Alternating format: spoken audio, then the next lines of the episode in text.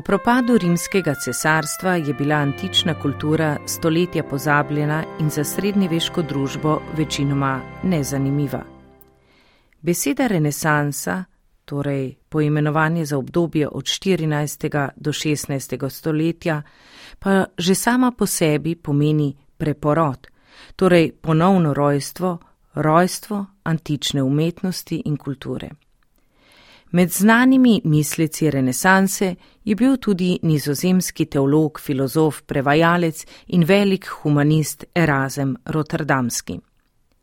Eden njegovih najbolj znanih namigov je, da se je v raziskovanju in premišljevanju treba vračati, kot pravi, ad fontes, torej k studencem, k izvirom, k tistim vrelcem modrosti, iz katerih se je napajala na svojih začetkih človeška kultura.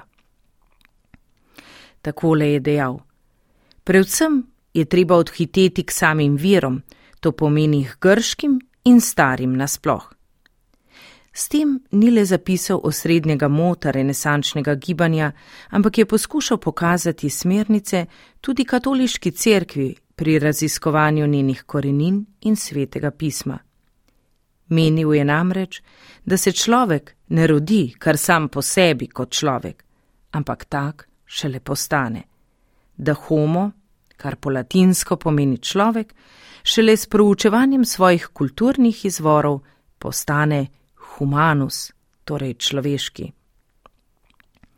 Danes, ko nas ne zanima več nič starega, ko znanost samovšečno stremi le še k nenehnemu odkrivanju še nedoseženega in tako hrani najbolj osnovno potrebo kapitalizma po izumljanju novih in novih nesmiselnih potreb človeka, smo na stare Grke in Rimljane, na antiko in na vso tradicijo pozabili.